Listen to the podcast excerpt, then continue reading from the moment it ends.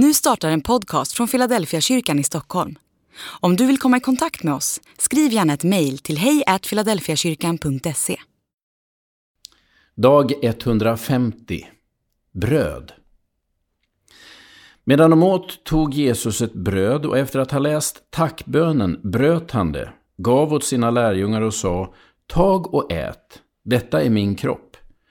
Och han tog en bägare och efter att ha tackat Gud gav han den åt dem och sa Drick av den alla. Detta är mitt blod, förbundsblodet som blir utgjutet för många till syndernas förlåtelse. Matteus kapitel 26, vers 26-28. Nu för tiden försöker fler av mina bekanta undvika att äta bröd. Det är för mycket kolhydrater, säger de. Själv tycker jag att en väl bredd ostmacka är något av det bästa man kan få.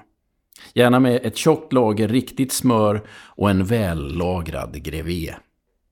I flera tusen år har bröd varit människornas basföda.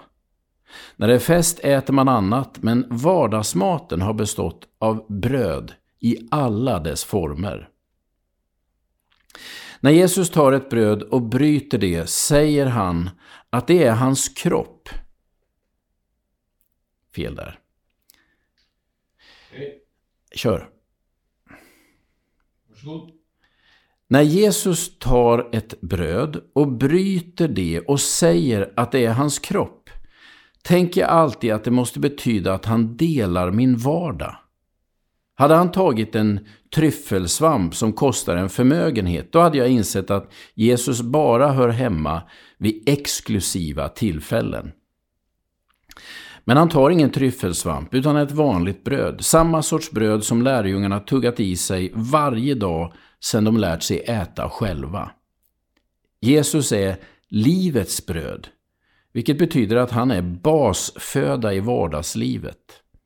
Hans lidande och död är sammanflätat med vår vardag, inte bara med söndagar eller andra högtider.